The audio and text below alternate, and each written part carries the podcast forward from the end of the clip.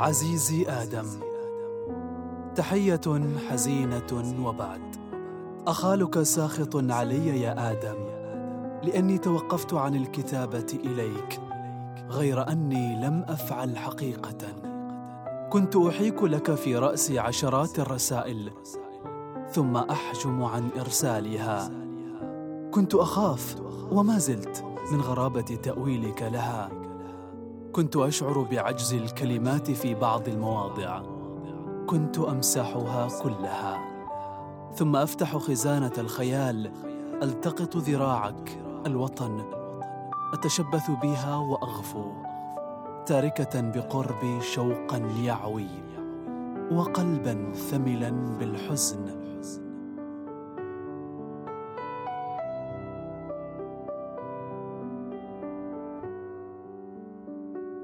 لقد أقنعتني تلك الأصوات في رأسي أو كادت بأنك محض وهم لكني لا أصدقها. انظر يا آدم كيف تغير شكلي. عندما أحببتك وفزت بوصلك كنت نحيلة جدا خفيفة كفراشة. كنت أكتفي بك عن أسباب الحياة. كنت أنت الحياة. تطعمني الحب كفتاه غيم. تجنحني كلماتك ويوقد فرحي بك شهية الطيران. فأطير. الآن أصبحت ثقيلة ملطخة بالأشياء الغريبة وحزينة جدا. أدس في جيوب قلبي ما استطعت من كذب. وأتورط بالألوان المقيتة التي أحاول تغطية غيابك بها. غيابك الذي لم يزدك إلا توغلا في دمي.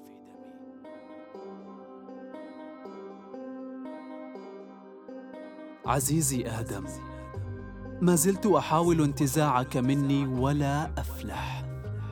أدس جسدي بين أصدقائي أرسم ابتسامة بلهاء على وجهي وأحاول الإصغاء لثرثرتهم.